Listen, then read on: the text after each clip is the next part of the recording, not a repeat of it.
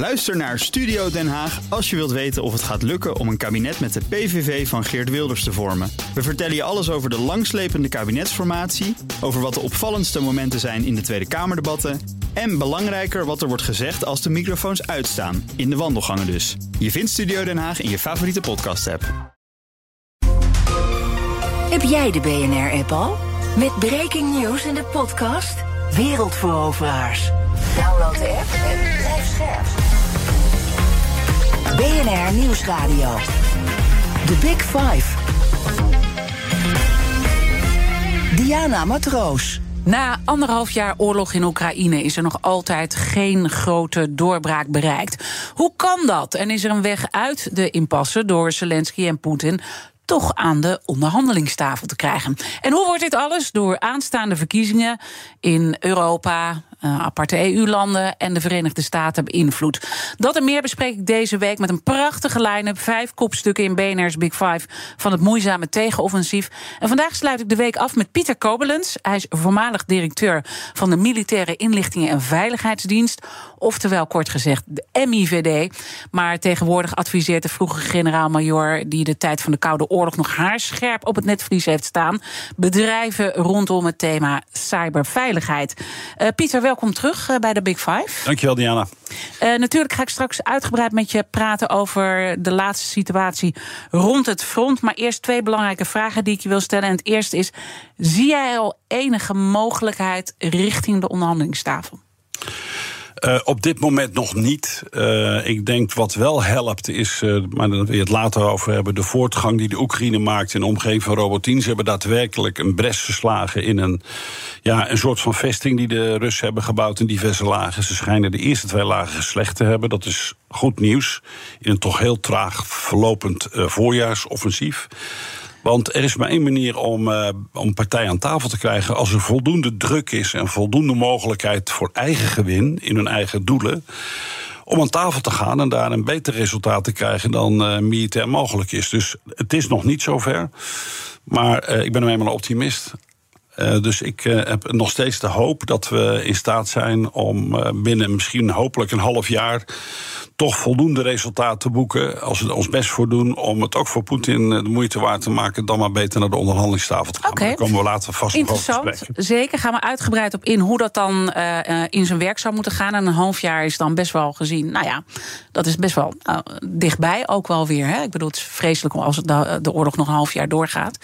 Ehm, het tweede wat ik van je zou willen weten, uh, als ex-directeur van de MIVD beschik je zonder twijfel nog steeds over een groot netwerk. Waar haal je trouwens je informatie met name vandaan nu? Ik heb mijn eigen spionnen tegenwoordig. Ja. Uh, maar Ja. daar kan ik natuurlijk geen mededeling over doen. En ik, bedreigen mag niet meer, want anders krijg ik ruzie met je collega. Dus dat doe ik ook nee, niet want meer. uh, dat Nee, heb wat- je natuurlijk vorige keer gedaan. Gevraagd mij om moet te ik, leggen eens- ik heb tijdens eens de niet moeten bedenken. Nee, mijn netwerk bestaat voor een gedeelte uit, of voor een groot gedeelte uit oud-collega's in een aantal landen waar ik nou mee samen heb gewerkt. Ik kan er wel een aantal noemen. De Verenigde Staten, een aantal in eh, de UK, in Duitsland. Maar ook in Israël, die natuurlijk heel anders tegen deze wereld aankijkt. Ook in Australië. En met sommige onderwerpen dan eh, praten we met elkaar. Dus dat is één eh, bron van informatie. De tweede is natuurlijk eh, wat de media en ook de, de specialistische tijdschriften en denktanks ons mededelen. En eh, om de zoveel tijd worden we door het ministerie van Defensie bijgepraat. Die natuurlijk eh, erg vervelend zouden vinden als oud-generaals allemaal onzin uit zaten te kramen. Dus als je dat bij elkaar veegt met de kennis van, van vroeger, dan geef je dat in ieder geval de mogelijkheid om uit te leggen wat er aan de hand is. En misschien ook wat prognoses te doen. En misschien mensen op ideeën te brengen om te kijken of een oorlog, wat we allemaal verschrikkelijk vinden. Ja. Om daar hopelijk een einde aan te krijgen. En we willen het hier niet hebben, dus daar moeten we ons best voor doen. Oké, nou dat gaan we zeker doen het komende uur. Jij gaat eh, jouw inzichten met ons eh, delen. Eh, heb je trouwens ook nog bronnen bij het Kremlin? Dat je ook vanuit, want het is natuurlijk heel belangrijk om ook in, in die hoofden te kruipen. Ja, maar die is net neergestort. Nee, dat is een flauwe grap. Ja. ik heb, eh, nee, ik heb geen bronnen. Flauwe grappen ben je Ja. met. Oké, Ja. dan moet ik daarmee ophouden. Eh, nee, ehm, eh, in het Kremlin kan ik jou zeggen dat ik geen. ben er wel geweest, maar één keer. Maar ik heb daar geen bronnen. Nee. Is dat niet heel. Ja, kan je dan eigenlijk wel goed je werk doen? Want je moet altijd natuurlijk ook die kant goed in ogenschouw nemen. Wil je echt kunnen duiden wat er. en analyseren wat er gebeurt? Absoluut, maar daar heb je dus al die andere bronnen voor om die soms wel meer informatie hebben dan jij. Al die puzzelstukjes leg je bij elkaar. En dan met de kennis die je hebt en de ontwikkelingen die je ziet, Mhm. eh, kun je best wel bij benadering zeggen wat er aan de hand is. Kijk, niemand heeft in het eh, vliegtuig gezeten bij Prigozhin. Eh, maar ik denk dat we ver boven de 90% eh, eh, zitten als we zeggen dat heeft Poetin op zijn geweten. Terwijl niemand het zeker weet. Dus het blijven estimated guesses soms. En de ene keer zit daar meer en betere informatie onder dan anders. Als er niet voldoende informatie onder zit, dan praat ik daar niet over. Want dan is dat zinloos. Dan is het gewoon. eh, Ja, dus die, die, die, die, claim van die Amerikaanse functionarissen die we hebben gehoord dat Poetin eh, die eh, aanslag goedgekeurd zou hebben, die moordaanslag, dat daar ga jij gevoeglijk ook wel van uit. ik heb er zelfs geen twijfel over. Geen twijfel over. Nee, het, dat, past voor, het past voortreffelijk in zijn strategie van verdelen en heers. Eh, Rob de Wijk had het er gisteren over, eh, over hetzelfde onderwerp. Nee, dat eh, de Poetin daarmee de zaak om heen recht gezet had. Want ook de, zijn plaatsvervanger heeft, is om het leven gekomen. Er zijn nog een aantal generaals opgepakt of ontslagen. Maar mijn mening is dat hij zijn, zijn omgeving, waar hij het van moet hebben... hij moet toch een paar mensen vertrouwen, anders legt hij het loodje. Die zijn nu nog onzekerder geworden, want je wordt zo bij het groot vuil gezet... of je dondert uit de raam of het vliegtuig uit, zoals de hoop scheffer van de week zei. Dus ik denk dat het juist meer onzekerheid geeft. En die onzekerheid, die scheurtjes in zijn fundament... die moeten gevoed worden door slechte resultaten aan het front. En een bevolking die zagrijnig wordt... omdat ze drones op hun hoofd krijgen met explosieven... in Rusland notabene, dat ze zich daar niet tegen kunnen verdedigen. En eh, ook eh, slechte resultaten in het veld... En natuurlijk de vele doden die te betreuren zijn. Op een gegeven moment is het ook voor, hopelijk voor de Russische bevolking genoeg. En dan krijg je wellicht synergie tussen, en- tussen en- de mensen om hem heen. Het moet een keer gebeuren. En dat kan alleen, dat zei Rob dus ook. Het lukt alleen maar als er iets eh, verschrikkelijks eh, met Poetin gebeurt. En anders dan schieten we helemaal niks op. Dus daar moeten we hard over nadenken. en wat en moeten daar we daarbij voorstellen? Iets, iets verschrikkelijks met Poetin gebeurt? Nou, hij moet gewoon dood. Hij moet zelf uit, uit het raam springen. Of iemand moet zeggen: We zijn nu helemaal klaar met je. Want je hebt nu ons zoveel dingen beloofd. Eh, Je bent een multimiljardair. Je schip is in veiligheid gebracht in Kaliningrad. En ondertussen komen lijkenzakken terug eh, van een militaire operatie. Ja. En verleng je de dienstplicht. En, eh, Maar, ben maar, je maar mensen worden er dan plannen beraamd hoe hij, ook met het, met het werk van de inlichtingendiensten, hoe hij weggewerkt kan worden? Moet ik het zo zien? Nou, het, moet meer van binnenuit komen. En als er van binnenuit iets is, dan leert de geschiedenis dat er vast wel diensten zijn die daarbij eh, op een of andere wijze kunnen helpen en bijdragen. En, en hoe moet zo'n hulp er dan uitzien? Informatie. Informatie, wat voor informatie? Je moet wel weten waar iemand is, waar, wat hij gaat doen, waar hij komt. En als je als buitenland daar belang bij hebt, dan moet je er wel voor zorgen dat je enig beeld en geluid hebt wie in zo'n geval zijn opvolger gaat worden. Want als die onzekerheid groter is dan een enigszins voorspelbare, hoe vervelend ook Poetin. Ja, dat is ook altijd de reden als men hem vraagt waarom, hebben jullie, waarom maken we die man niet dood. Ja, ik denk dat dat best wel kan. Maar ja, als je niet weet of het erger is wat je ervoor terugkrijgt, dan moet je er nog eens even goed over nadenken. Zo zit de wereld in elkaar. en, en wordt daar dan op dit moment over nagedacht achter de schermen van wie is het alternatief en is er een, is er een goede kans om hem uit de weg te kunnen ruimen? Altijd, in elk conflict wordt er over nagedacht. Dat is gewoon echt zo. En er zijn altijd mensen om eh, een, een hoogwaardigheidsbekleder die er anders over denkt, die zelf dat soort contacten zoekt en aangaat. Ja, dan is het aan eh, de andere diensten of de andere landen om te kijken of ze er wel of niet iets mee willen. Want ja, men probeert natuurlijk ook vaak voor eigen gewin te gaan, eigen belang. Het is altijd en ingewikkelde afwegingen die altijd achter gesloten deur plaatsvinden. Ja. Ehm, is dit nou iets waar, waar Poetin zich zorgen over maakt? Eh, ik bedoel, we kunnen moeilijk in zijn hoofd kijken, maar Nou ja, we hebben op tv gezien dat de tafel met uh, zit om met andere mensen te praten steeds langer wordt. Nog even, die zit buiten. Ik bedoel, uh, hij is bang voor zijn gezondheid. Uh, hij, wordt, gaat op bezoek zonder vooraankondiging. Naar het buitenland kan hij niet meer, loopt hij het risico dat hij opgepakt wordt. Uh, deze man die kijkt voortdurend om zich heen, want die is zijn leven echt niet zeker. Of het nou om eten, drinken, vergiftiging, wat hij zelf ook bij anderen toestemming voor heeft gegeven. Want begon je vraag. Uh, het antwoord is: er gebeurt niks. Uh, van deze grote orde van grootte als uh, het vliegtuigongeluk. waar Poetin niks van weet. Moet hij zich zorgen maken over Wagner? Of is hij zo uitgeschakeld eigenlijk door twee belangrijke kopstukken uit te schakelen dat het niet zoveel meer voorstelt? Nou, dat kun je niet zeggen, want die Wagnergroep is er nog alleen totaal versplinterd en onthoofd. Uh, wij kijken er in dit soort uitzendingen altijd naar als een militaire eenheid, maar het is ook een grote onderneming. Vergeet niet dat uh, onze voormalige uh, hotdogverkoper Prigozhin ook een oligarch is geweest met heel veel geld. Uh, handelen edelmetalen, doen uh, stiekem operaties in, in Afrika, in Syrië. En plegen daar ook daadwerkelijk, hebben misdaad tegen de menselijkheid gepleegd.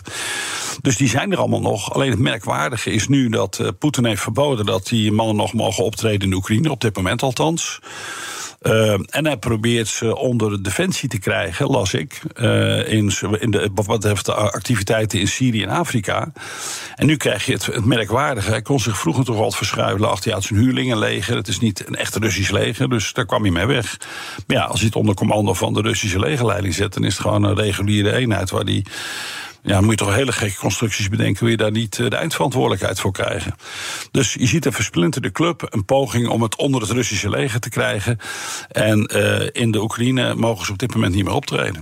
Heeft je iets verbaasd aan alles wat er om, rondom Wagner is gebeurd? Ook dat eigenlijk Prigozhin heel lang vrij heeft kunnen reizen... en dat er dus niks gebeurde. En dat ze vervolgens met z'n twee in zo'n vliegtuig zijn gegaan... waarvan je denkt, twee kopstukken in een vliegtuig... is dat niet ongelooflijk dom uh, en naïef? Ja, ja als dat, dat het zo zou zijn gebeurd, dan is dat zo. Maar er zijn een aantal theorieën.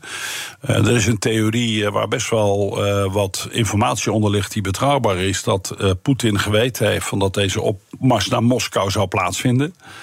En uh, de reden dat hij dat deed was omdat hij een ongelofelijke hekel had aan uh, Shogoi en Gerasimov, de twee belangrijke Russische generaals. En het feit dat hij, um, dat hij tot landverrader werd verklaard van, door, door Poetin. En de periode die ertussen zat voordat hij uiteindelijk uit de lucht is gevallen. heeft die generaals ook een lange tijd in onzekerheid gelaten: van zijn wij nu aan de beurt, ja of nee? En uh, dat is nou precies hoe zo'n dictator werkt met verdeel en heers. Hij laat iedereen een beetje aan barbertje hangen. En uiteindelijk, wie het baasje het hardste gebeten heeft, die legt het loodje. Dus op een gegeven moment heeft hij gekozen: het is klaar met, met, uh, mm. met uh, Prigozhin. En ik wil blijkbaar blijkt nu zelf de, de touwtjes in handen hebben over die Wagner-gebod. Er komt soldaten tekort. Maar denk jij dat die Prigozhin echt heeft gedacht van um, I'm safe? Ja, ik denk dat als hij inderdaad afspraken zou hebben gemaakt met Poetin. dat hij zou helpen de boel opschudden. Vergeet niet, uh, hij heeft hem jarenlang eten uitgeserveerd. en hij is zelf groot geworden door Poetin. Dat er uh, waarschijnlijk een situatie is ontstaan. dat hij uh, in volledig vertrouwen in het vliegtuig is gestapt. binnen Rusland zelf notabene. Hij is op de Afrika-conferentie geweest. Dus hij is langzaam in slaap gewiegd. En heeft waarschijnlijk niet vermoed dat hij op zo'n korte termijn aan de beurt was. Ongelooflijk hè, dat dit soort mensen toch dan uh, dat niet zien uh, aankomen. Um, zou hij toch ergens een plan hebben gehad van. Uh, mocht ik omgelegd worden, dan uh, laat ik nog ergens informatie liggen. Of dan is er nog een soort plan B? Of, of, of... Nee, dat, dat, er zijn geen indicaties dat hij dat gedaan heeft. Maar goed, we moeten het ook niet mooier maken dan het is. Uh, het is een verschrikkelijke vent. Zo, het is niet zo erg dat hij er niet meer is. En zijn plaatsvang al helemaal niet. Die zijn minstens zo erg als Poetin. En ja, het kan best zijn dat hij een nalatenschap achter heeft gelaten. Maar ik heb daar geen aanwijzingen voor of aanleiding dat te vinden. The Big Five. Diana Matroos. Mijn gast is Pieter Kobelens. Hij is de voormalig directeur van de Militaire Inlichtingen en Veiligheidsdienst, uh, de MIVD. 2011, hè, geloof ik, uh, zat jouw termijn er daar uh, op. Maar je bent nog steeds met het onderwerp bezig. En je hebt in het begin van de uitzending uitgelegd wat we ons daarbij moeten voorstellen. Ehm, zijn inlichtingen ingewikkelder geworden? Eigenlijk niet. Uh, en ook weer wel. Oh, fijn zo'n antwoord, hè, en wel en niet. Uh, we hebben natuurlijk veel meer informatie ter beschikking dan vroeger. Hè, door, uh, zeker nu AI eh, daar een rol in speelt, artificial intelligence worden er heel veel databases ontsloten, of zelfs bewerkte artificial intelligence, waardoor je enorme bergen met informatie krijgt. Nou, er wordt wel eens van gezegd, ja, maar dat is toch heel moeilijk. Er wordt, het wordt toch steeds ingewikkelder, maar je hebt ook steeds knappere zoekmachines. En hoe meer informatie er is, hoe ingewikkelder het ook is om nepnieuws te verspreiden. Want ja, dan moet je wel heel veel dingen beïnvloeden als je iets naar je hand wil zetten. Dus uh, er is meer gekomen. Het is uh, natuurlijk een voortdurende uitdaging om het goede eruit te halen, om die massa's informatie op een goede wijze te verwerken. Maar daardoor durf ik de stelling wel aan dat we daardoor in staat zijn om betere analyse te maken Tenminste, als je zeker weet dat je alle beschikbare informatie hebt. Nou, je weet dat dat nooit 100% is. Maar als je hoge percentages haalt, dan worden je voorspellingen ook beter. En op basis van inlichting en informatie werken we allemaal. Dat, vanmorgen ben je van huis gegaan en is mijn auto afgetankt of opgeladen. En uh, zijn er files. En hoe laat vertrek ik? En vrijdag zijn er wij, de files zal ik op tijd. Dus je, maakt, je haalt allemaal informatie binnen om iets te doen. Dus het is een heel normaal menselijk fenomeen. Alleen je krijgt steeds meer informatie.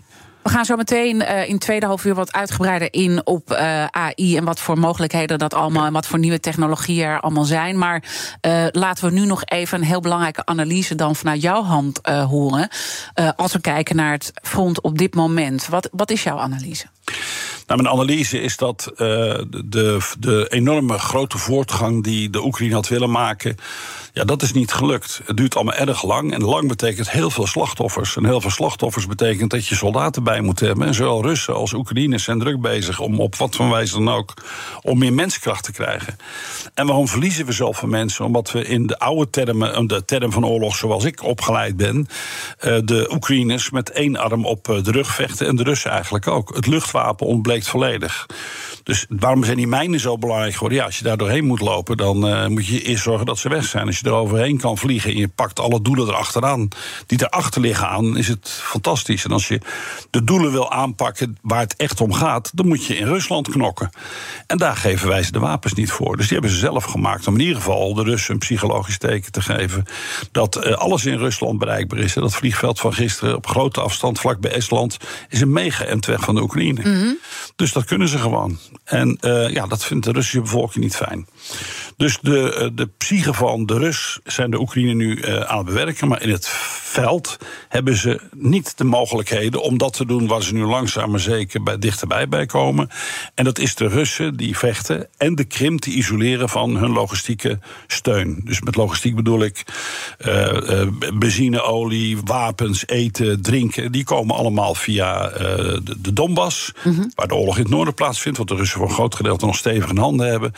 En bij het offensief wat je nu ziet, proberen de, um, de Oekraïners die keten te doorbreken door richting de zee van Azov te gaan. En uh, daardoor die logistieke lijnen over land af te sluiten. Nou. En dat is toch best wel bijzonder. Want eerder deze week sprak ik met uh, Onno Eigelsheim, commandant der strijdkrachten. En uh, die gaf ook aan, die eerste stap was best wel opmerkelijk. Geen mijlpaal. nu is daar eigenlijk een tweede moment ja. bijgekomen. Kan je dat nog een beetje duiden waar dat, waarom dat zo opmerkelijk is? Nou, omdat ze. we hebben maandenlang van de duiders gehoord dat de Russen zich dik ingegraven hebben. Waar we in het begin zeiden, de, toen de Russen binnenvielen, je moet een, een overmacht van drie staat tot één hebben, is de vuistregel om een verdediging uh, te slopen. Maar ja, dat is nu andersom hetzelfde. Als de Russen aan het verdedigen zijn, moeten de Oekraïners drie staat tot één hebben om voortgang te maken. En dan hebben we het nog niet eens over technisch uh, ingewikkelde hindernissen zoals die mijnen, waar dan wel wat oplossingen voor zijn.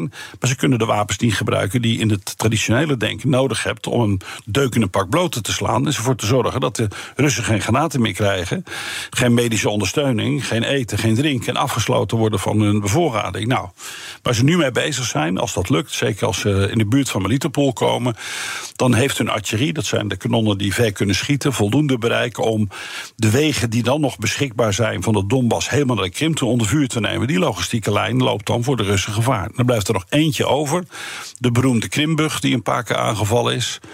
En je weet dat we recentelijk toch gesproken hebben over die, uh, die waterscooters die omgebouwd zijn met explosieven om die brugpijlen stuk te maken. Mm -hmm. Nou, de Russen brengen daar nu veerboten tot zinken om ervoor te zorgen dat dat op die manier niet meer kan.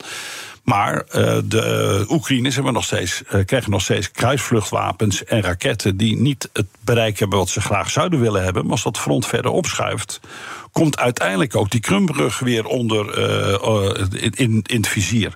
En als het lukt om die af te sluiten en de logistieken vanuit de Donbass, dan is de Krim afgesloten van bevoorrading, mm -hmm. anders dan over zee. En dan krijg je de situatie waar ik het begin van het programma over had. Dan krijgt uh, Poetin A. Hij rekende het al tot Rusland. Hè, want 2014 hebben we niks aan de Krim gedaan.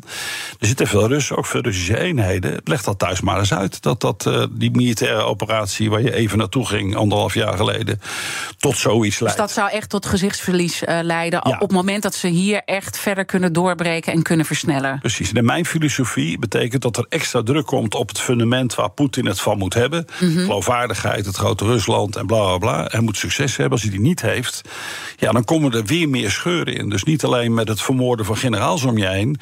zorg je voor haarscheuren in je beton en je betonnen fundament. Maar ja, je gaat ook het, uh, het geloof van de bevolking verliezen. die nu opeens aangevallen worden door drones. God beter het in Moskou, de hoofdstad. Ja. En Ook dan, al raken ze niks. Eh, wat belangrijk is, is dat al verschrikkelijk uh, om mee te maken als je boodschap aan het doen bent. Dus, dus dit zal hem uh, echt verzwakken. En, en vanuit die uh, beargumentatie en wat we dus nu uh, zien gebeuren, ook daadwerkelijk op dit moment. Verwacht jij dat die stap naar de onderhandelingstafel binnen zes maanden wel zijn feit zou zijn? Nee, er moet meer gebeuren. Ik vind dat wij er ook iets aan moeten doen. Er komen later in de beantwoording van de vraag die Rob aan mij gesteld heeft ja. nog bij. Maar ik vind dat wij in het Westen ook meer moeten doen alleen met economische sancties zwaaien. Dat hebben we na 2014 met de verovering van de Krim ook gedaan. Nou, ze zitten er nog steeds. Het heeft niet echt indruk gemaakt. Sterker nog, ik denk dat het bijgedragen heeft aan de besluitvorming van uh, Poetin. Nou, kan de rest van de Oekraïne kan ik ook wel instappen. Want in 2014 heeft, hebben we alleen wat gegil gehoord op, uh, op een paar pleinen van de EU. En wat sancties, dat is het. Um, en hij dacht zich dat te kunnen permitteren om wat te herhalen. Dus alleen sancties redden we het niet mee. Ik vind dat wij niet genoeg doen, bijvoorbeeld met de graandeal. Als we echt van mening zijn dat Afrika enorm tekort komt aan eten als het graan van de Oekraïne niet toe gaat, dan moeten we zorgen dat het niet vernietigd kan worden. Dan moeten we ook zorgen dat de schepen daar weg kunnen varen.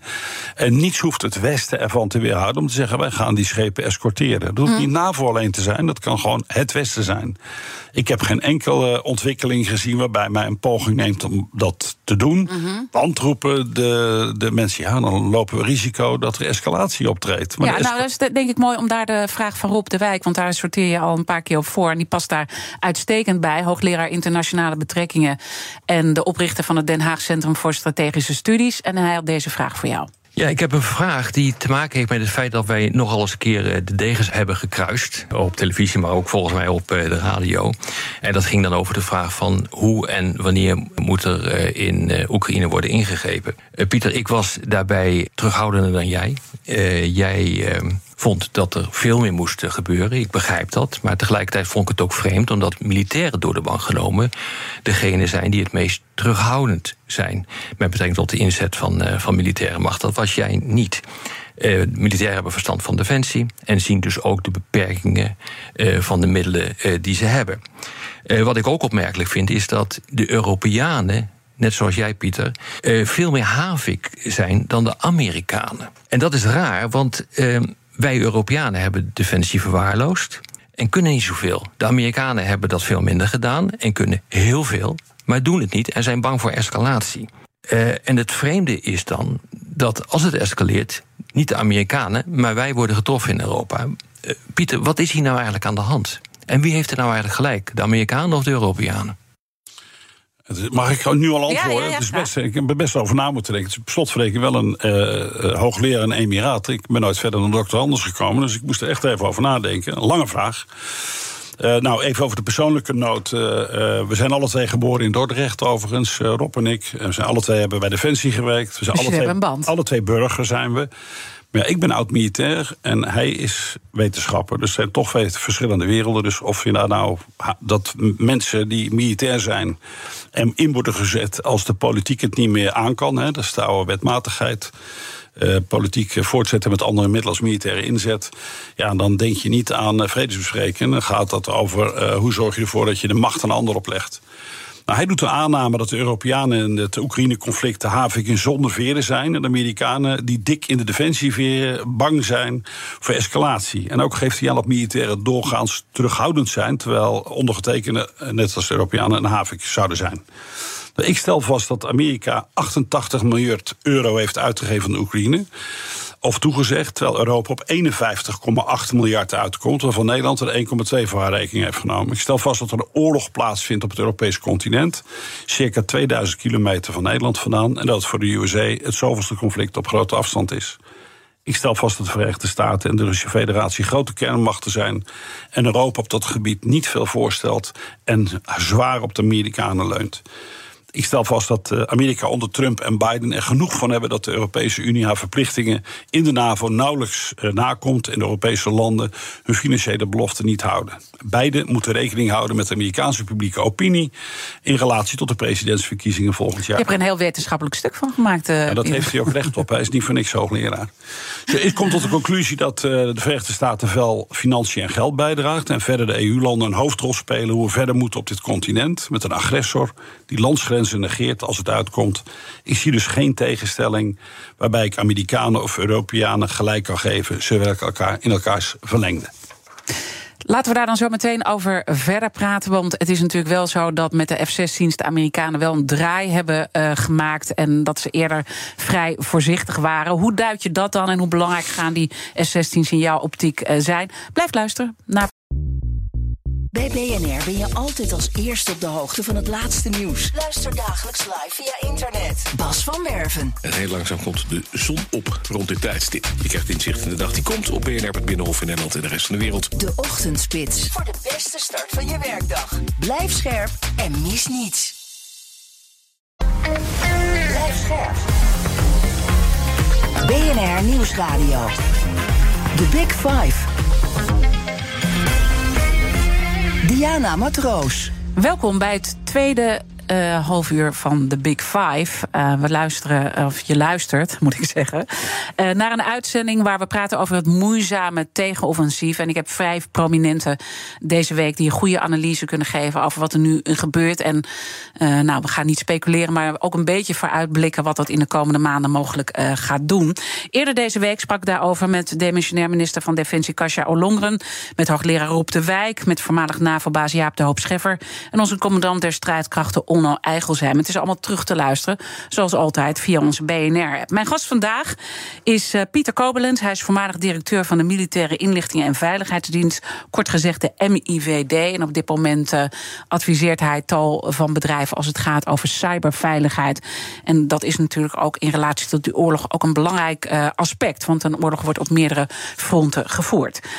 Pieter, ik wil met jou praten over het belang natuurlijk van die militaire inlichtingen. Uh, maar laten we ook nog even het stuk afmaken waar we net mee bezig waren. Want je hebt je antwoord gegeven op uh, Roep de Wijk. En dat uh, was een vrij uitgebreid antwoord. Maar ik ronde dat af van. De Amerikanen hebben natuurlijk wel een draai gemaakt met de F-16's. Want we hadden continu de toestemming nodig uh, van de Amerikanen om die F-16's uh, in te zetten. Waarvan jij ook eerder hebt gezegd, die luchtmacht is ontzettend belangrijk om te betrekken uh, op het strijdtoneel. Nou, dat heeft maanden op zich laten wachten.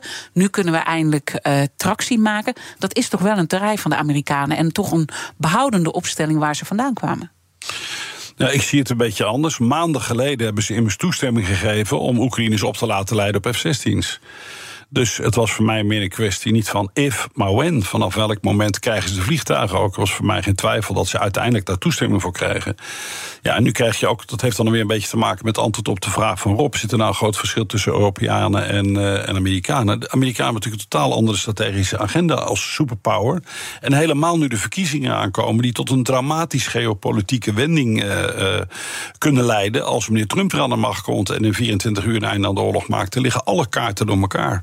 En wordt er ook gezaagd aan het, het toch wel goede binding die we op dit moment binnen de NAVO hebben.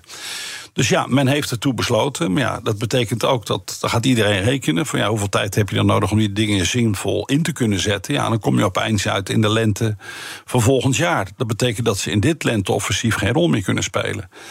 En dat is lastig, want dat is nou net datgene wat ze ontberen om mm. uh, grote klappen te ja, maken. Want jij hebt uh, eerder gezegd bij Bernard Habbelburg in de uitzending van ik beschouw het, het lenteoffensief als mislukt. Absoluut, omdat het duurt te lang. En uh, natuurlijk, als ze hun doelen nog weten te bereiken en die logistieke lijnen door kunnen snijden, hebben ze er last van. Dan hadden ze al veel eerder last van moeten kunnen hebben. Alles wat. Vergeet niet dat elke dag dat we uitstellen. gaan er honderden mensen dood om, voor niks. Als uiteindelijk blijkt dat dat luchtwapen. in combinatie met de grondtroepen. tot eerdere resultaten leidt. Dat vind ik moeilijk te verteren. Mm -hmm. ja, dat is maar, nou maar dan heeft uh, Roep toch wel gelijk dat die Amerikanen gewoon veel behoudender erin zitten. Die hebben natuurlijk te maken met nog een paar conflicten in deze wereld. Die bereiden zich voor op ellende in de buurt van Taiwan. Die hebben Europa eindelijk zover gekregen, mede dankzij Trump, overgenomen door Biden, dat we langzaam maar zeker meer geld gaan uitgeven. Vergeet niet wat ik net al zei, dat Europa op Amerika na het meeste uit geld uitgeeft aan defensie. Maar dat we door een, eh, een slechte manier van samenwerken, wat mij betreft binnen de NAVO, daar nog niet het maximale rendement uit hebben weten te halen. Daarom vind ik ook niet dat wij dun in de veren zitten. We regelen het gewoon slecht. Nou, nu geven we wel langzaam maar zeker het geld. In Nederland zijn we er nog niet bereid om een, uh, om een motie aan te nemen waarin staat dat we dat in de wet vastleggen, die 2% bijdrage van het BBPPA. Dus ik hoop dat uh, mensen daar luisteren en dat het, het, de, de demissionaire kabinet, ondanks alle financiële uitdagingen die we hebben, dat wel laten doen.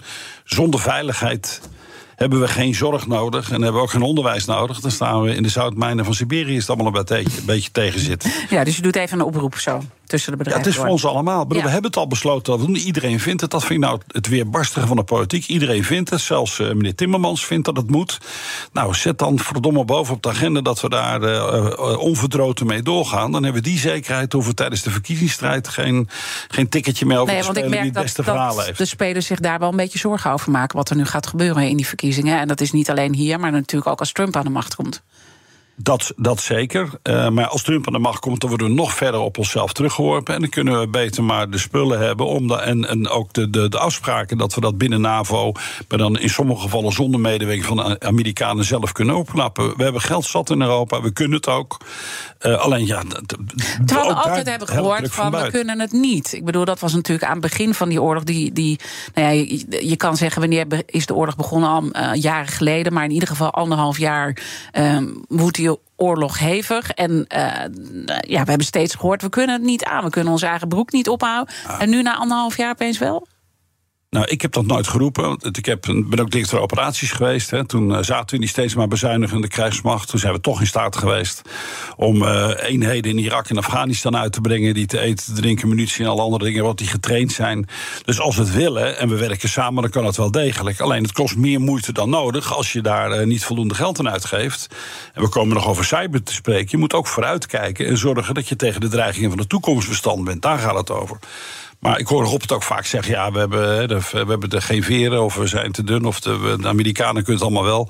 Ik vind dat een klein beetje uh, overtrokken. We kunnen het wel degelijk. Ja, we moeten wel gedwongen worden om iets te doen. Dan kunnen we meer dan je denkt. Als het gaat over die F-16's, heb ik eigenlijk van iedereen gehoord dat gaat geen grote gamechanger zijn. Um, hoe, sta jij hetzelfde in? Nou, ik kijk er anders tegenaan. Tenminste, als ze in combinatie kunnen worden gebruikt met grondtroepen. Kijk, als er volgend jaar uh, te weinig Oekraïners zijn en die grondtroepen zijn gedecimeerd. Ja, dan kun je met F-16's wel gronddoelen aanvallen. Je kunt in ieder geval uh, wat meer aan luchtverdediging doen. Hè, want we hebben last van, van Russen die op uh, te grote afstand voor onze luchtverdediging lange afstandsraketten afsturen. Op, op doelen ja, die volgens mij niet helemaal militair zijn. Dus daar kun je wel degelijk wat tegen betekenen.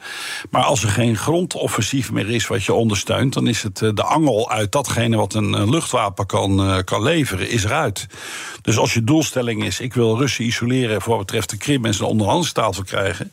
En we kunnen het pas van april, mei volgend jaar. We hebben november Amerikaanse presidentsverkiezingen. Dus dat betekent dat rond april, mei volgend jaar de regering Biden niks meer in de melk te borkelen heeft voor een half jaar. Ja, dan is het te laat. Ja, dus, dus, dus wat, wat, wat, wat, voorzie jij dan? Ja, die F-16 zijn het fantastisch dat ze komen. Ook al krijgt hij er 100 waar hij om gevraagd heeft. Maar ja, dat zal bijdragen aan zijn luchtverdediging. Maar als wij zeggen, je mag ze hebben, maar je gaat er niet boven Rusland mee vliegen... zie ik het alleen maar nuttig voor betreft hun uh, luchtverdediging. Maar ja, de Denen hebben al gezegd alleen boven het eigen luchtruim. Ja, nou goed, dat vinden we allemaal natuurlijk. Ja. Maar de, uh, zolang ze in het eigen luchtruim ook grondroepen hebben... en proberen Russen naar buiten jagen, zal het erin helpen. Maar ja, moet je nagaan, dat is, we hebben het dan over een maand of uh, zeven, acht verder. Met alle verliezen die nog uh, staan te komen. Ik weet niet wat er dan nog aan grondtroepen over is... die een, een deuk in een pak boter kan slaan. Ja. Dus het zou wel eens het goede wapen te laat kunnen zijn. En zou dan ook jouw scenario uh, um, wat je eerder aannemelijk acht, uh, toch niet uitkomen dat die onderhandelingstafel in zicht komt. Want uh, precies zoals je zegt, Biden heeft niet meer veel te zeggen. Stel, ik bedoel, het is allemaal speculatie, maar stel, hij doet het goed in de peilingen. Trump komt in het Witte Huis, dan hebben we een totaal andere wereld. Dat is zo, maar één ding hebben we het nog niet over gehad. Ik heb het gehad over we kunnen meer druk zetten door dat gedoe met het graan. Daar zeggen we nou, we gaan zelf die schepen wel begeleiden. En val je dan een schip van, val je ook de NAVO of een Westers land aan. Nou, laat maar zien. Daar nemen we natuurlijk risico mee. Maar we hebben ook nog eh, de oproep van eh, hoogleraar Frans Ozinga. Die zegt: Ik snap niet waarom we niet eh, heel gradueel, langzaam maar zeker, een no-fly zone inbrengen boven de Oekraïne. Vanwege dat escalatieniveau, want dan Dat raken kan, we natuurlijk we- wel steeds meer betrokken. Ik snap het natuurlijk, dat is zo. Ja. Hè. Maar we doen nu net alsof dat niet zo is. Hè. Terwijl we bakken met wapens naartoe sturen, F-16. We hebben het niet over dan militair materieel sturen.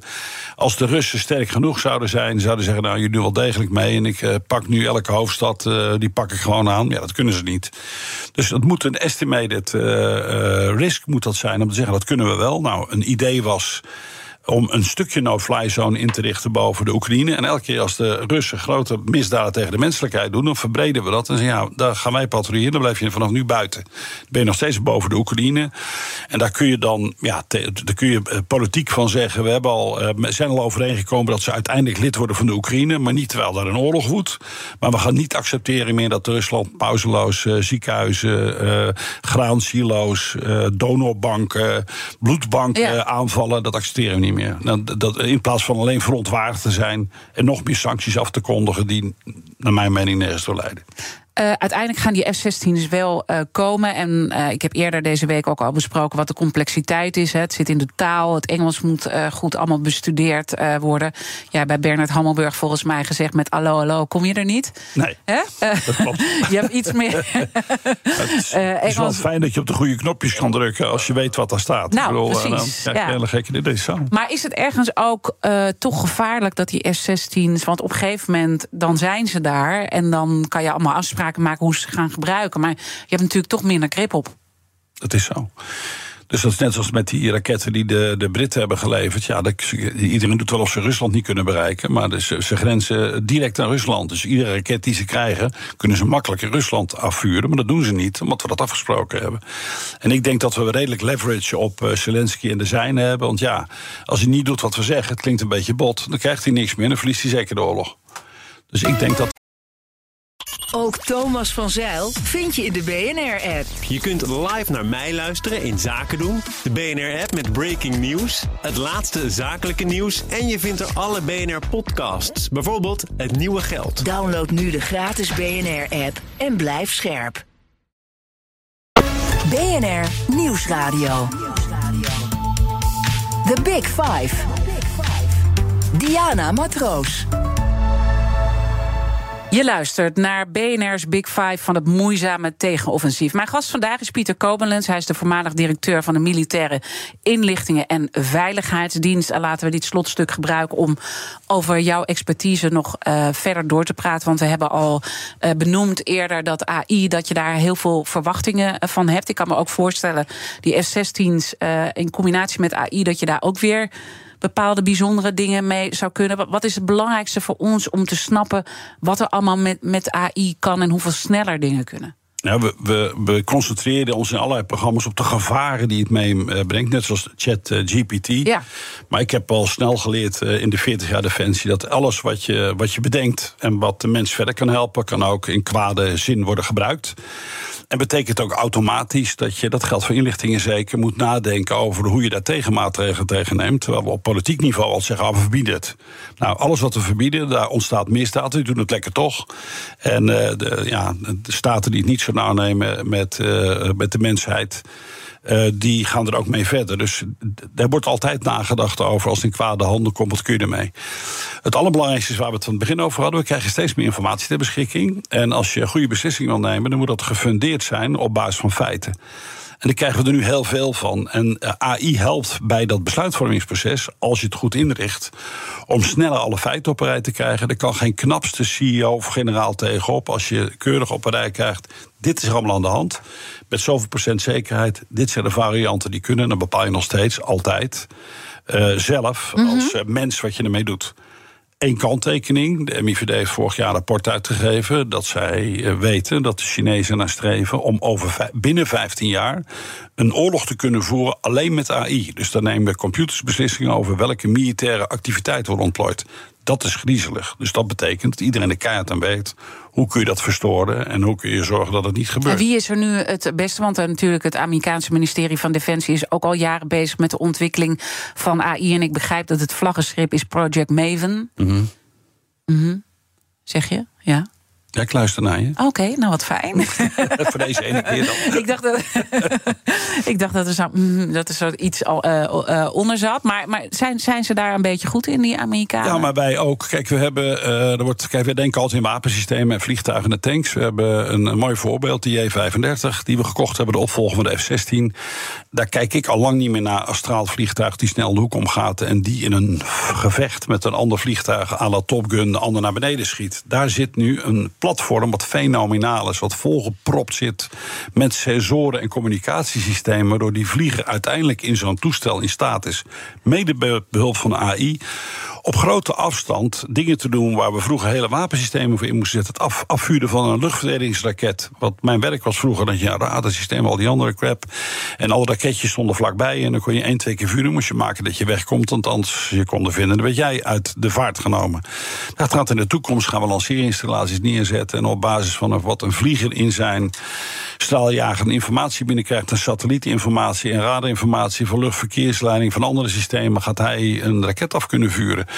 Dus die, de wereld gaat wat dat betreft heel Echt anders uitzien. kop. En dat is natuurlijk nu al aan de hand. Want ik, eh, dat wordt nu natuurlijk ook al ingezet, toch? Ik kan me voorstellen dat de Amerikanen ook eh, het strijdtoneel als een eh, prachtige proeftuin eh, zien om Zeker. dingen uit te testen. Nou, AI, niet alleen dat. AI wordt natuurlijk al lang in allerlei eh, eh, de vormen gebruikt. Je hebt, vroeger had je meldkamers waar jouw IT 24-7 wordt bewaakt door mensen die met kringen onder de ogen zaten te kijken of gekke dingen gebeurden. Dat gebeurt nu in toenemende mate door artificial intelligence.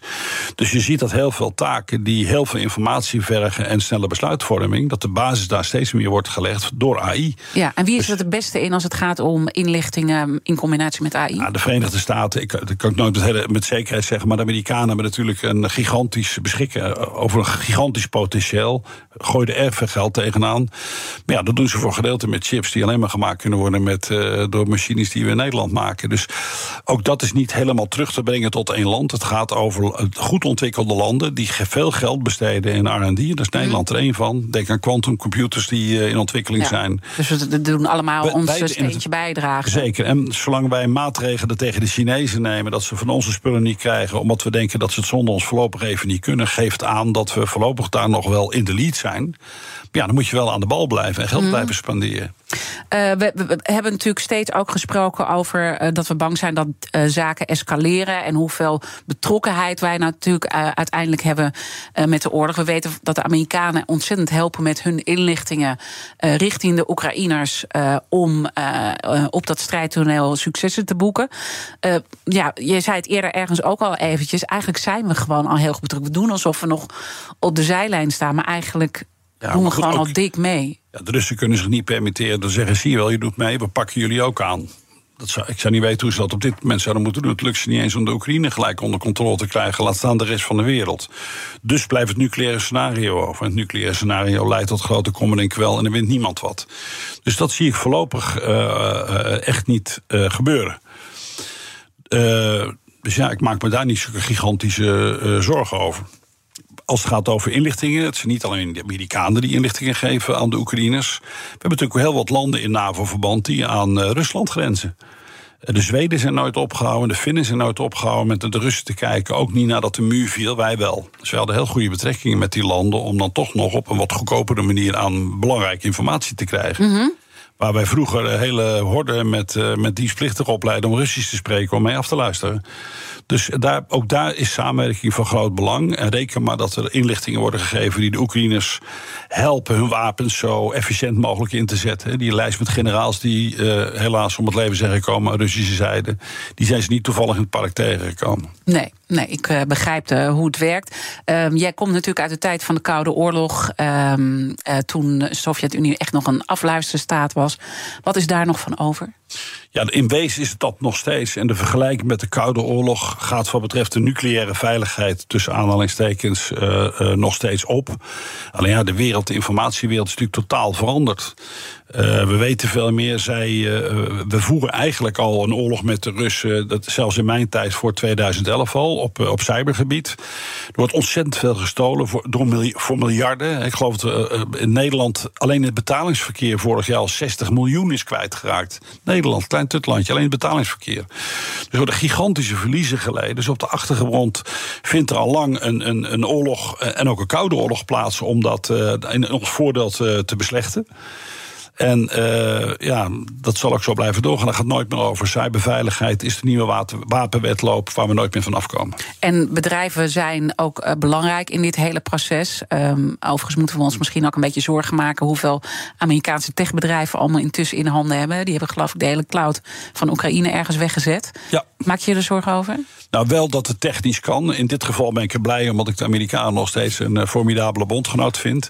Maar we moeten wel blijven nadenken of niet democratisch gekozen multimilliardairs gaan bepalen waar ze hun satellieten plaatsen en uh, waar ze de informatie laten en wat ze kopiëren. Want dan kunnen ze ook kwaadschiks doen. Dus we moeten wel zorgen dat we onze veiligheid, dat bedoel ik ook met die wapenwetloop, daar gelijk mee op laten lopen. Ik hou van Amerikanen, maar die hoeven niet mijn elektronisch patiëntendossier te kennen. Natuurlijk gaat de kettingvraag door. Dus dat is nog een belangrijke taak die wij tot slot uh, moeten verrichten. Volgende week een hele nieuwe week. Dan is ook mijn collega Art Rooijakkers uh, weer terug van vakantie. Uh, en hij trapt af met onderzoeksjournalist Ton F. van Dijk. En die nieuwe Big Five, dat gaat over dwarsdenkers. nou, dat is Ton F. van Dijk natuurlijk ook. Die allemaal op hun eigen manier de samenleving en de macht scherp houden. Wat zou je aan Ton F. van Dijk willen vragen? Ja, Ton F. van Dijk moet je zeggen, want er is nog een Ton van Dijk. En die Ton van Dijk vond dat. Uh, die jongere Ton, ja, maar dat we daar geen vergissingen in maken. Die F is erbij gekomen, heeft Ton F. van Dijk eraan toegevoegd. Frederik, om niet door de war gehaald te worden met die andere meneer. Nou, Ton, uh, bij de MIVD werken analisten die zich uh, kunnen meten met goede onderzoeksjournalisten. En een goede onderzoeksjournalist gaat tot het gaatje zonder aanzien des persoons. En gebruik maakt van zoveel mogelijk verifieerbare informatie uit zoveel mogelijk verschillende hoeken. Als het om personen gaat en onthullingen, ben jij al gauw de luis in de pels geweest, jarenlang.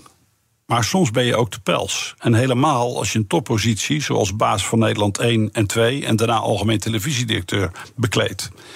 Heb je er voorbeelden van dat je zelf de pels was? Heeft dat jouw drive als luis veranderd? En hoe kijk je aan naar onthullingen die tegenwoordig leiden tot naming en shaming, nog voordat je veroordeeld bent? Het zijn een paar vragen, maar ik vind ze allemaal mooi. Dus uh, het is, uh, ik ben heel erg benieuwd wat hij erop uh, gaat antwoorden. Ik vond het weer leuk dat je er was, Pieter Koblenz. Als wederzijds, dankjewel voor je gastvrijheid. voormalig directeur van de Militaire Inlichting en Veiligheidsdienst. En luister zijn gesprek later terug als je nog een keer wilt terugluisteren. Maar zeker ook al die andere mooie gesprekken deze week... met prominenten uit de wereld rond de oorlog in onze podcast. Maar het allerbelangrijkste is om straks te luisteren naar de laatste uitzendingen van BNR Breekt. We hebben net van uh, Ivan Verrips gehoord dat ze een keertje de rollen gaan uh, omdraaien. Dus dat de panelleden nu gaan inbellen. Dus het wordt een super leuke uitzending. En het allermooiste is om uh, allemaal met z'n allen massaal te gaan luisteren. Ik wens je een hele mooie dag en een prachtig weekend. Bij BNR ben je altijd als eerste op de hoogte van het laatste nieuws. Luister dagelijks live via internet. Bas van Werven. En heel langzaam komt de zon op rond dit tijdstip. Je krijgt inzicht in de dag die komt op BNR, het Binnenhof in Nederland en de rest van de wereld. De Ochtendspits. Voor de beste start van je werkdag. Blijf scherp en mis niets.